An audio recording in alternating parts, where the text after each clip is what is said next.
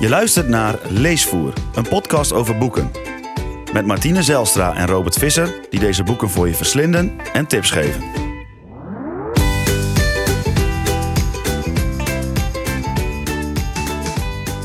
Welkom bij deze nieuwe aflevering van Leesvoer. Met deze week Weetvoer, een samenwerking met Nemo Kennislink. En daarvoor bespreken we het boek Ongekend van Margriet van der Heijden. Willem Röntgen, Max Planck, Albert Einstein en Niels Bohr. Het zijn allemaal bekende namen van mannen die de Nobelprijs binnensleepten in de categorie natuurkunde. In 1901 was Willem Röntgen de eerste en in 2022 was Anton Zeilinger de laatste die hem kreeg. Hoeveel vrouwen, denk jij, dat er in de tussenliggende periode de Nobelprijs kregen voor hun bijdrage aan de natuurwetenschappen? Nou, lekkere vraag. Ehm, even denken. Uh, dat is een lange periode. Dat is een hele lange um, periode. Ja. Dus ik zou zeggen een stuk of 20, misschien 25? Uh, nee, het uh, zijn er vier voor de natuurkunde. Vier? Vier. Oké, okay. nou, ja. dat is een goede vraag dan. Ja, een leuke vraag. Schandalig. Ja, ja echt schandalig. Ja, en dat is uh, precies het punt. Want in Ongekend vertelt Margriet van der Heijden verhalen over vrouwen in de natuurwetenschap die over het hoofd werden gezien. Want het is natuurlijk niet zo dat al die vrouwen uh, dat vrouwen dom waren in die tijd, of weet ik het wat. Uh, er zijn gewoon een heleboel nou, is wel vrouwen... beweerd, hè? Als je, dit, als je dit boekje leest, dan is ja, dat ja, wel de, de reden dat vrouwen weinig Nobelprijzen hebben gewonnen. Ze dat dom het, waren? Nou, omdat ze. Dat, dat, was, dat is wel een vooroordeel wat ik vrees, wat nog steeds wel leeft. Ja. Um, uh, niet, niet bij ons, hè, maar uh, wel, wel breder. Ja. Um, en dat, en dat, dat, ja, dat dat de reden was dat ze die dingen niet kregen. Ja, de, ik zit even te denken, want ik, ik heb het boek gelezen, maar ik heb de naam even niet meer zo paraat. Maar in de inleiding van het boek uh, staat ook dat op een gegeven moment een van, een van de vrouwen die, die dan allerlei mooie prestaties behaalde wel binnen de wetenschap, dat zij zegt, volgens mij was dat in de 17e of 18e eeuw, van ik zou wel eens willen dat het vrouwenbrein en het mannenbrein worden onderzocht. Want volgens mij zijn vrouwen net zo slim als mannen. Daar zouden ze een keer naar moeten kijken. Maar goed, daar wordt dan vervolgens weer niks mee gedaan. Ja, dus ik denk dat dat wel degelijk een vooroordeel uh, is die er heel lang is geweest. Ja. Dat vrouwen gewoon niet slim waren. Nee. En dat... Uh, goed, Zeker niet, in- niet goed in de beta-wetenschap. En ik vrees dat dat echt nog steeds een vooroordeel is. Wat, Ja. Wat, wat wijd verspreid is. Nou ja, ik denk als je kijkt naar eh, Margriet van Heijden zelf, die eh, in Cer op CERN, of in Zwitserland op het CERN rondloopt, dat zij ook in die tijd dat zij daar rondliep, in ieder geval wel een van de weinige vrouwen was. Ja, dat is, zij is, Margriet van der Heijden is, is zelf dus gepromoveerd. Ehm, en zij is wetenschapsjournalist, heel lang bij NRC mooie stukken geschreven, doet ze nog steeds. Maar ze is nu ook hoogleraar aan de TU Eindhoven. Mhm. En zij schrijft inderdaad in de inleiding ook over zichzelf. En dat, Ja, dat, dat voorbeeld dat jij nu noemt, eh, schrijft ze op een gegeven moment dat ze de kantine binnenkomt en dat iedereen zich, alle mannen zich dan omdraaien om naar haar te kijken. En dan Ja. zegt ze ja, niet vanwege mijn kennis of mijn fantastische publicaties. nee, maar alleen vanwege het feit dat ze vrouw is. Ja, dat daar een jonge vrouw loopt. Ja, Eh, dat is toch wel een beetje. Het lijkt me een, een, een merkwaardige eh, ja, manier om, om dat zo te ontdekken. ja, en ik heb, ik heb ook wel eens ehm, geschreven over eh, vrouwen die bij de TU Delft, ik, geloof dat dat de jaren 60 eh, wa- was, dat, dat vrouwen die toen studeerden aan de TU Delft, echt een mannenbolwerk. Er is ook een boek, TU Delft Mannenbolwerk trouwens, dat het als, als eh, titel heeft.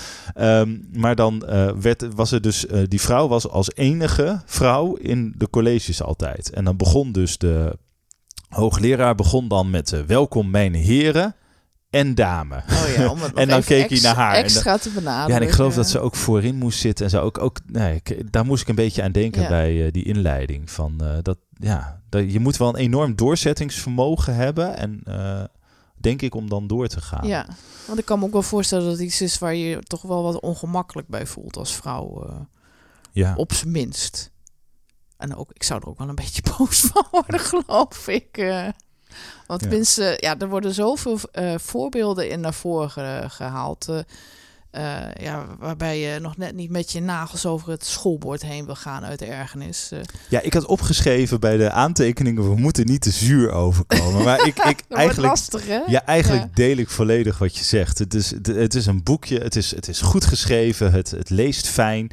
Maar uh, um, er zit een frustratie en een onmacht die je voelt. Hè? Ja, dat had ja, jij dat ook. had ik wel, ja. Dat, dat ik echt dacht van jeetje, Mina, wat is, de, wat, wat is al die vrouwen toch overkomen hiermee? Uh, ja, ja het, het, het, het, soms tegen de klippen op, maar door willen gaan. Ja, en dat er dan mensen zijn inderdaad die het lef hebben, die bijvoorbeeld zeggen van nou, vrouwen die winnen helemaal niet zo vaak een Nobelprijs, dus zie je wel, zo goed zijn ze niet. Of hè, nou, anders waren ze toch wel in de geschiedenisboeken beland. En, maar eigenlijk wordt heel erg duidelijk uit dit boek hoe uh, geniale vrouwen, genieën, uh, zijn onderdrukt. Ja. En dan toch nog tegen alle ja, heftige vooroordelen, maar ook hoe ze zijn tegengewerkt tegen dat allemaal in, tegen die enorme stroom in, hebben ze toch nog fantastische prestaties bereikt. Ja. En uh, wat dat betreft is het ook denk ik een ode aan, aan die vrouwen, maar ook een, het zit ook wel een soort woede in, of misschien is dat woede zit bij mij in ieder nou geval. Ja, bij mij ook hoor. Uh, dus, van, uh... van mijn hemel, wat hadden zij nog meer kunnen bereiken? En wat hadden, wat, wat hadden andere vrouwen ook nog kunnen bereiken? Wat een Ja. onrecht is, is, uh, is, is, is, is er aangedaan. Ja. En- Nou, laten we een paar eh, voorbeelden uit het boek eruit lichten. Om een beetje een idee te geven van eh, de vrouwen die erin voorkomen. En wat zij zoal eh, gedaan hebben en wat zij hebben meegemaakt. Om een beetje een idee te geven van hoe dat dan is geweest. En daarbij dacht ik als in eerste instantie aan Laura Bassi. en zij is eh, ehm, in de 17e eeuw of de 18e, 18e eeuw. 18e eeuw, ja. woonde zij in Bologna. Ja, zij is de eerste vrouwelijke hoogleraar. Uh, dus nou, dat is een uh, hele knappe prestatie. En zij Ja. was uh, goede vrienden met een aartsbisschop. Die dat was haar, toch wel handig, toch? Ja, ja. nou, en dat is iets wat je, wat je veel tegenkomt. Want ze had ook veel tegenstand van mannen. Hè? Een vrouw die hoogleraar wordt, hoe kon dat nou? Ja. Um, maar wat je merkt aan bijna alle verhalen... is dat deze vrouwen mannen nodig hadden... en, en helaas echt nodig hadden... om, uh, Om verder te komen. schaduw te Ja. stappen. Ja, Ja. En, um, en dat is natuurlijk, uh, dan kun je ergens denken van, ah, hartstikke mooi van die mannen, maar het is natuurlijk gewoon hartstikke heftig dat je dat nodig had om überhaupt iets uh, te kunnen presteren. Ja. maar hij, goed, want die, het was een aartsbisschop en hij werd later, geloof ik, paus. Paus. Benedictus de 14e, zeg ik uit mijn hoofd. nee, ik zeg gewoon ja. Het was wel paus mij wel, Benedictus, ik weet niet, weet niet meer welk getal eraan hangt, maar niet alleen die aartsbisschop en die paus, maar ook haar man hè, heeft haar heel later, goed geholpen, want eh, zij is uh, getrouwd met een man die net zoveel van de natuurwetenschappen hield als zijzelf. Ja, En uh, nou, dat, uh, dat hielp toch wel. Hielp toch wel. Uh, Giuseppe Ferrati. En ze kregen samen acht kinderen. Ja. waarvan er wel een aantal al, al jong overleden zijn. Maar nou ja, goed. Ze leidden vooral in haar villa leidden ze de volgende generatie wetenschappers op. Um, vooral in de experimentele fysica. Dus daar deed ze haar proefjes, gaf ze college, hielp, ze, hielp ze studenten. Um, dus dat was ja, ze, ze, ze, was vooral bezig met het onderwijs en die debatten. ja, want uh, het is misschien om een beetje context te geven. Uh, vrouwen die mochten dat daarvoor dus niet. Uh, Nee, en, en het is natuurlijk ook wel veelzeggend dat het dan nog steeds alleen in die villa gebeurt. ja, hè? vanuit je woonkamer ja. een beetje proefjes doen. Ja, ja nou ja, een beetje met proefjes acht, doen. Dat doe je denk ik haar wel echt. Dat doe je haar denk ik wel echt tekort mee hoor. Want nee, dat wel, snap ik wel. Ik chargeer het natuurlijk een beetje. Ja. Maar, maar wel een beetje is, weggestopt, ja. ja. Ja, helaas. En ook weinig publicaties uh, die er van haar bekend zijn. Ze had er wel wat geschreven, maar die zijn geloof ik uh, bij. Uh, volgens mij was dat Napoleon die. Uh, Italië binnenviel. En uh, volgens mij zijn ze toen verloren gegaan. Ja. Nou, in ieder geval, die, die zijn er niet meer. En het waren er ook maar weinig. Um, ja, maar goed, wel een. Uh, de, de, de, de, de verhalen die over haar bekend zijn, was dat het een geniale uh, vrouw was. Uh, een geniale natuurwetenschapper, dat wou ik eigenlijk zeggen. Ja. En um, ik ja. geloof dat ze op latere leeftijd wel uh, college mocht geven buiten de deur. Maar haar beginperiode was in ieder geval wel dat dat alleen vanuit haar eigen woonkamer kon. Uh. Ja, en Margriet van der Heijden zegt dan in haar voorwoord van... Hè, de, de, de, het lijkt wel alsof er een paar ingrediënten moeten zijn... waarom, uh, waarom vrouwen dan wel in de natuurwetenschappen kunnen uitblinken. En mm. dat... Uh, een daarvan, en dat is dus wat we net al een beetje cynisch eigenlijk zeiden, dat er dus gewoon een man nodig is die, uh, die de, de, een vrouw de ruimte geeft, ja. de mogelijkheden geeft, vaak ook dezelfde fascinatie deelt, dat dat wel een, uh, een, een hele belangrijke was. Ja. Nou, zo zijn er nog meer. Uh, wat mij ook, uh, um, wat ik een heel bijzonder verhaal vond, is het verhaal van uh, Lise Meitner. Dat is wel een, wat later. je zou kunnen zeggen het begin van de, vlak voor de, de, de Tweede Wereldoorlog dat zij werd geboren. Um, zij studeerde bijvoorbeeld de summa cum laude af. Maar ze mocht alleen in het lab onderzoek doen. Want als ze dan naar de wc moest, waar moest ze dan heen? Ja, dan moest ze naar het restaurant. ja, het is toch belachelijk. En dan hebben we het over 1938. Hè, ja, in het restaurant uh, verderop. Hè, want in, in de, de verdiepingen daarboven, daar was het dus verboden voor vrouwen. Ja, dus ze mochten niet ze, komen. Ze mochten alleen inderdaad in het lab. En het lab zat in de kelder. Ja. Dus ze mochten in de kelder komen, moesten naar de wc, moesten naar een restaurant verderop. Ze kreeg ook helemaal geen inkomen. Nee, maar ze kreeg gratis toen. Ja, ze kreeg wel een toelage van haar ouders, waardoor het uh, mogelijk was. En uh, dit zijn dan de omstandigheden, hè, die vinden we raar en we lachen erover. Eigenlijk ook een beetje vanuit boosheid ja. en ongemakkelijkheid. Um, maar het werk wat zij deed, zij deed onderzoek naar radioactiviteit ja. en naar kernsplijting. En dat mm -hmm. deed ze samen met Otto Haan. Klopt. Um, Um, en dat deed ze totdat in Oostenrijk, totdat in 1938 Nazi-Duitsland Oostenrijk binnenviel. Um, en zij was van Joodse komaf en ze weet dan te ontsnappen. Uh, ja, via Nederland en, en dan via komt ze uiteindelijk uh, in Stockholm terecht. Ja, klopt. En dan uh, 1945 wordt de Nobelprijs uitgereikt. Ja. Nou, en zij heeft de kernsplijting ontdekt. Ja, hè? Of, alleen bij de la paar laatste experimenten was zij niet meer bij aanwezig. Omdat ze moest vluchten. Omdat ze moest vluchten, ja. ja dus naar wie zou de Nobelprijs zijn gegaan? Ja, niet naar haar. niet naar haar, nee. nee. Die ging naar Otto Haan. Ja. Um, en dat is... Uh, uh, terwijl zij no notabene op het, uh, in Stockholm werkte... Ja. Bij, bij het Nobel Instituut of ja. zo, hè? Ja, ja. En er zijn dan 48 keer wordt zij daarna nog voorgedragen door collega's ja, voor de zij Nobelprijs. Moet hem ook krijgen. Ja, dit is onterecht. Ja, maar het en, gebeurt uh, niet. En het gebeurt niet. Nee. En uh, ja, dat is uh, ja, wat we al over hadden van het moet niet zuur worden, maar ergens de frustratie zit hoog. Hè? Van, ja, hoe ja, kan dit is, nou? dat is jongens? gewoon raar. Want ik kan me nog herinneren dat we een, een, een, een tijdje geleden hadden wij bij uh, Faces of Science, wat ook een onderdeel is van Nemo Kennislink, hadden wij een special van 150 jaar hoogleraarschap van vrouwen. En een van de faces schreef daarin van, uh, dat hij door uh, Nijmegen liep, door de natuurkundebuurt. En dat hij daar de naam Lise Meitner tegenkwam. En dat hij geen idee had wie dat was.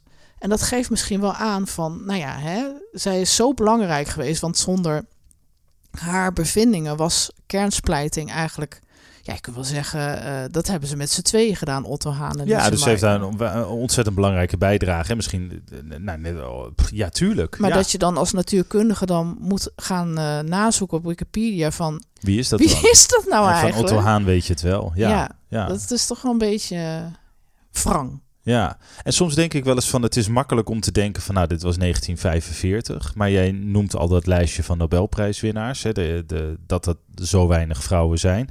Je kan datzelfde zeggen over hoogleraren. Hè. Er zijn weinig uh, vrouwelijke hoogleraren, ja, in, in, helemaal in Nederland.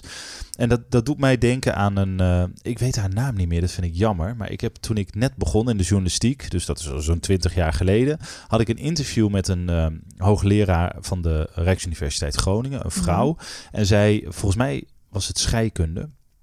En zij, uh, ik had met haar een, een, gesprek over iets anders. En opeens uh, kwam, we, kwam ter sprake, ik weet niet meer wat. Maar het ging over vrouwen in de wetenschap. Volgens mij omdat ze er zelf over begon. En toen zei zij, weet je wel dat ik alleen maar vrouwen aanneem? en dat vond ik heel interessant. Dus zij zei, ja, alle onderzoekers die ik aanneem zijn vrouwen. Uh, ah. Dus alle promovendi, alle universitair docenten, alle universitair hoofddocenten, allemaal vrouwen. Ze zei, want ja, als, als dat is hoe ik een verandering kan maken. Ja, en ja. ze zeggen altijd dat je nergens beta in de beta vakken vrouwen kan vinden. Ze zei, ik kan ze overal vinden. Ze zijn hartstikke getalenteerd. We doen uitstekend onderzoek. Uh, niks aan de hand. Dus ze zei, ja, dan laat ik maar zelf zien dat het kan. Ja. En, natuurlijk kun je daar weer discriminatie tegen Ja, roepen of weet ik veel wat. Maar het is, het is een... Um, ik vond het echt fascinerend ook hoe zij dat zei. Van zij deed, dus toponderzoek. Ja, en ik, ik, ik vind het erg dat ik haar naam ben vergeten. Ik heb het later nog wel eens geprobeerd op te zoeken, maar het is twintig jaar terug. Ja. En ik dacht er, ik heb er nog wel vaker aan gedacht in die, in die twintig jaar, maar haar naam is mij ontschoten. Maar, Maar ik vond het een het mooi voorbeeld. aan. eh. Ja, en het geeft er denk ik ook wel aan dat, ehm, ehm, dat, dat, ja, dat, dat er genoeg talent rondloopt. En talent die, eh, die nog steeds over het hoofd wordt gezien. Ja. Dat, ja. En dat we daar misschien meer oog voor moeten hebben. Ja. Ehm, want uh, ja, de naam die mij ook nog te binnen schiet is uh, Dorothy Crowfoot Hodgkin. En die uh, ontrafelde een penicilline, geloof ik, een insuline en vitamine B12. Van hoe dat de structuur daarvan in elkaar zat. ja. Ehm, ook niet echt bekend. heeft wel een, nee, een, Zij kreeg wel de Nobelprijs. Ja, dat hè? wel, maar het heeft ook weer zo'n apart verhaal erachter, toch? Ja, toen zij de Nobelprijs kreeg, uh, in uh, 1964. Toen kopte de Daily Mail in Engeland Nobelprijs voor huisvrouw. Oh. ja, en ja. weer een ongemakkelijke lach dat je denkt van hoe, hoe kan het dan? En, en, en zij heeft een heel spannend leven gehad. Ze werd geboren in Egypte, haar vader was archeoloog. Um, en daarna is ze naar Britse kostscholen gegaan, uiteindelijk in, uh, in, in Oxford uh, beland. En daar stortte ze zich vooral op de, op de beta-vakken, met name scheikunde. Mm. En nou ja, daar publiceerde ze inderdaad, je, je noemde het al over die structuren van penicilline, maar ook van steroïden en, en vitamine B12. En toen kreeg ze in de jaren 50 eindelijk haar eigen lab. En ik geloof 1960 werd ze hoogleraar. 1964 dus in Nobelprijs. En wat ik bij haar heel mooi vind, is dat zij... Um, een rolmodel is geweest. Ik denk dat al deze vrouwen rolmodellen zijn. Maar er zijn ook veel vrouwen die hebben aangegeven, dit was de jaren 60, hè, Mhm. de, uh, dat zij, um, uh, dat zij uh, echt een rolmodel was. Ook voor um, mensen die later nog heel veel verder zijn gekomen in de politiek of in de wetenschap. Um, want zij gaf bijvoorbeeld, terwijl ze hoogzwanger was, gaf ze nog college. En dat was iets wat toen niet uh, heel normaal was. Nee, of in ieder nee, geval niet, uh, niet. niet vaak werd gezien. Um, en die waren daar diep van onder de indruk. Ook de manier waarop zij college gaf, dat uh, hielp natuurlijk ook. En een van die oud-studenten van haar was Margaret Thatcher. Ah, die later ja. dus... die heeft ook scheikunde gestudeerd. Ja, bij haar. Ja, ja, ja. en die had altijd nog een portret in haar, in haar woning of in haar ambtswoning, weet ik niet precies. Maar in ieder geval een portret aan de muur hangen van haar grote voorbeeld, uh, Dorothy Crawford Hodgkin. dus dat vond ik zelf wel een, een, een, een mooie uh, anekdote. Ja, zo op die manier ja, kan je ook juist het tegenovergestelde daarvan bereiken, denk ik. Ja, en die Nobelprijs voor huisvrouw, dat, dat zijn, weet je, het is een beeld wat, wat de Daily Mail dan kopt, wat, wat toch wel hardnekkig blijft. Hè? Want dat, dat geeft Margriet van der Heijden in haar inleiding. Die inleiding is echt heel goed. Ja.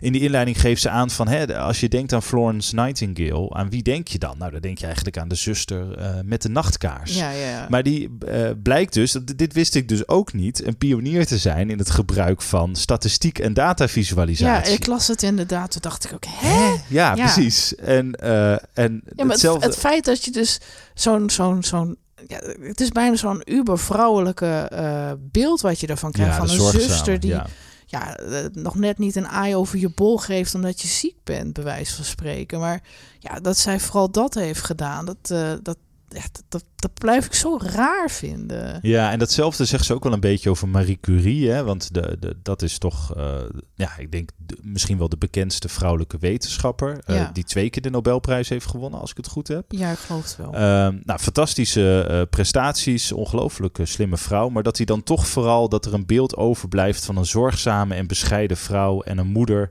die dan ook nog een uniek onverwachts want, eh, talent heeft. Tussendoor is ze nog even ja, dat aan het doen. precies. Ja. Net terwijl je dat niet zegt van Albert Einstein. Geweldige vader was die ook. En, Nee, uh, nee, ondanks al die kinderen. en, uh, niet, hè?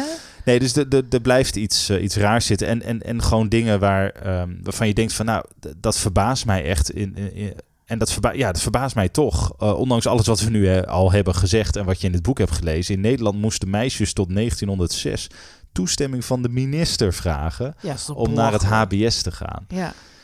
Um, en het HBS was dan zeg maar VWO uh, ja, van, ja, van, van vroeger. Ja, nee, dat snap ik. Ja, dat snap weet, ik. maar ik weet niet of alle luisteraars dat weten. Ook heel veel jonge luisteraars. Ja, voor jonge luisteraars ook, ja. Dus um, dat zijn van die... Uh, kijk, als mensen zeggen van... oh ja, vrouwen zijn misschien niet zo slim... of uh, nou, vrouwen die winnen dan niet zo vaak een Nobelprijs... Ik, je kan dat niet meer beweren, denk nee, ik. Als nee. je een beetje weldenkend bent, maar ook niet als je dit boek hebt gelezen. Nee, en ik denk voor de mensen die dat nog steeds roepen, lees dit boekje eens. En dan, als je dat dan nog steeds vindt, ja, dan, uh, dan weet ik het ook ik denk meer. dat die mensen niet meer te redden zijn. nee, dat ik denk, denk dat ik ook uh, niet. Uh. misschien moeten we ons daar ook helemaal niet op richten. maar um, in ieder geval...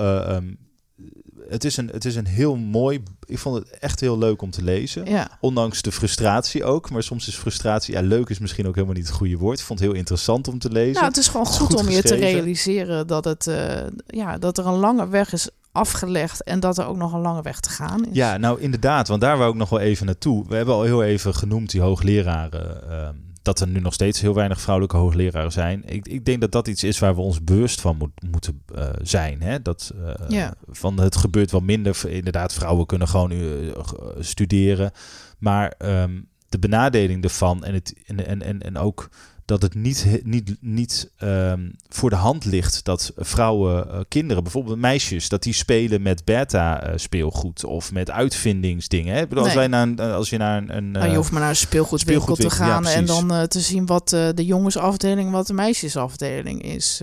ja. Ja, en daar worden wel eh, stappen gemaakt en dat is ook hartstikke goed. Maar ehm, Nou het ja, is, kijk, als, je, als er kinderen geboren worden, je ziet steeds vaker eh, dat van die gender reveal parties. En dan eh, de, de worden bij de jongetjes worden er blauwe ballonnen kapot geknald met blauwe confetti. En bij meisjes is het dan weer roze. En als ik dat zie, dan denk ik, nou jongens, kom. wij, wij hebben dat niet proberen te doen nee, bij nee, onze kinderen. Maar verschrikkelijk. Nou, sowieso ook niet met de kleuren en ook niet met het speelgoed. Maar we, dat, ik vind dat zelf altijd nog wel een grappige anekdote de andere kant op.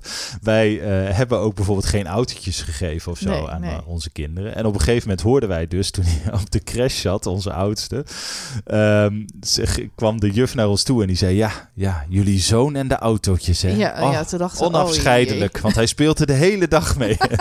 en die hadden we thuis dus helemaal niet, omdat we daar niet eh. Nee, automatisch aan wilden voldoen. Nou ja, goed. er, er Ehm, valt nog wel wat te verbeteren dus. hè? Nou ja, kijk, en, en soms loopt het gewoon wel op die manier. Ook Ja. daar is niks mis mee. Het gaat vooral om kansen eh, Ja. geven en kansen krijgen. Zeker. Ehm, ik denk dat bij dit boek, want het is een vrij dun boek, dat, eh, daardoor heb je het eh, snel uit. Dat is ook wel weer fijn. Het leest gewoon lekker weg. Het is, je krijgt een goed beeld van alle vrouwen. Het zijn mooie portretjes, maar het smaakt ook nog wel naar meer. Hè? Ja, vond ik ook. ja, het, het, het zijn inderdaad leuke portretjes, maar ja, ik vloog er zo doorheen en ik dacht van, goh, wat, wat zou er nog meer zijn? eh? Ja, als je, als inderdaad ook kijkt naar die Dorothy Crawford Hodgkin die we net als laatste besproken, dan uh, ja, dat is gewoon een, een, een, een, een, een avonturenboek bijna. Hè? Dat je Ja. opgroeit in Egypte en dan. Uh, ja, ik, ja, het leek mij, leek mij heel mooi. En dan al die ontdekkingen doet in je lab. En dan wel die Nobelprijs. Maar dan dat duidelijk nog steeds uh, duidelijk wordt dat je ook wordt tegengewerkt. En dan ook weer anderen hebt beïnvloed. Dus ook weer een mooie nalatenschap heeft. Hebt. Volgens mij zijn, zijn van een heleboel van uh, deze vrouwen wel uh, biografieën verschenen. Want af en toe wordt er ook naar verwezen. Dus um, je hebt wel echt een, een, een, stap waarin je gewoon weer verder kan lezen. Ja. Maar misschien is wel het grootste compliment aan dit uh, boek en aan de, aan de auteur dat je zegt van ik wil hier nog meer van weten en Ja. ik wil hier nog meer over lezen. Dat is natuurlijk ja, om, uit, omdat je dat het je boeit en fascineert en denkt van ik, ik, ik wil, wil het nog beter begrijpen. Ja. En als je nou nog meer wil lezen van uh, uh, nou, vergelijkbare boeken die interessant zijn over dit soort onderwerpen, wat zou je dan aanraden? Um, eerste wat me dan te binnen schiet is de codekraken van uh, Walter Isaacson. Uh, een biografie van Jennifer Doudna. Um, en zij heeft heel lang onderzoek gedaan naar uh, DNA. En ja, vooral naar CRISPR-Cas is zij bekend van. Mm -hmm. um, dus dat is een soort, ja, hoe kun je dat uitleggen? Dus Molecul een, een moleculair schaartje waarmee ja. je in DNA kan knippen. Bijvoorbeeld ja, dus om, ja, en ja. plakken. Met een, met een schaartje plakken. Maar... Ja, een soort copy-paste toch?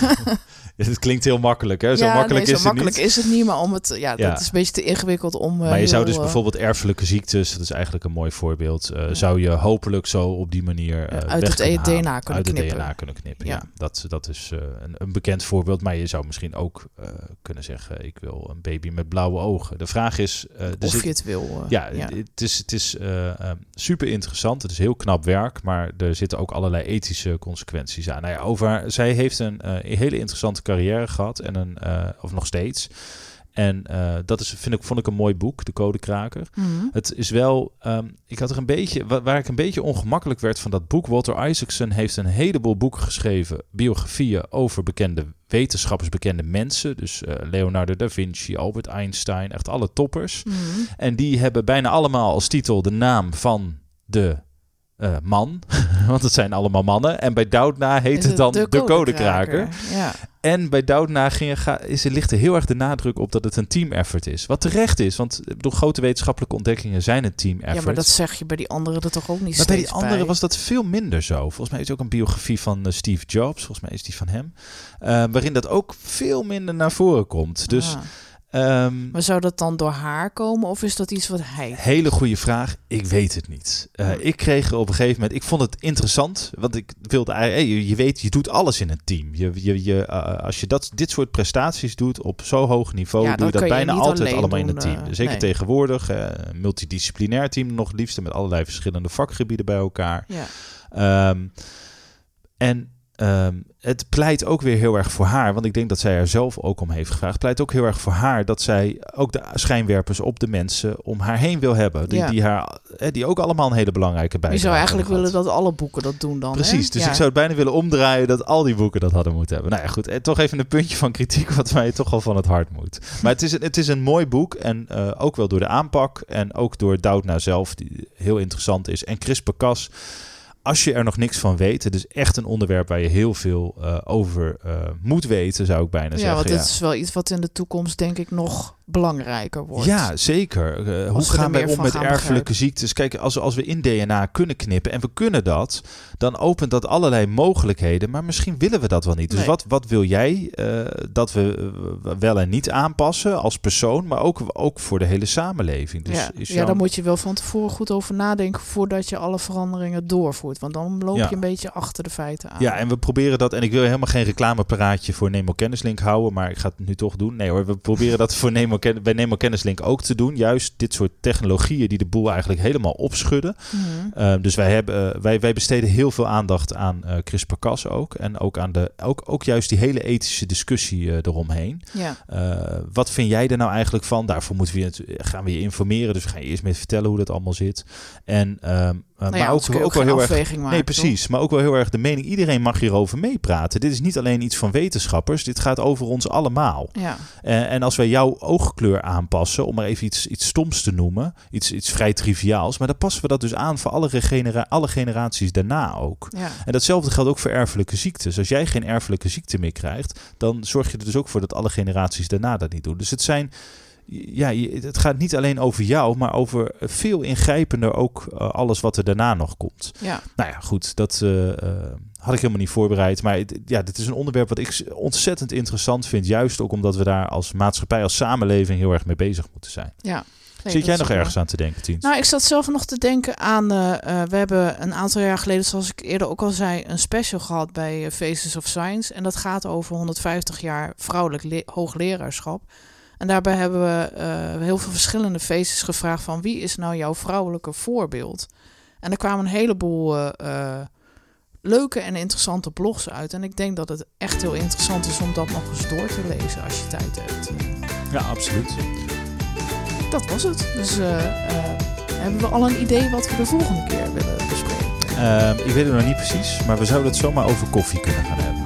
Oeh, jouw favoriete onderwerp. Mijn favoriete drankje, ja. ja.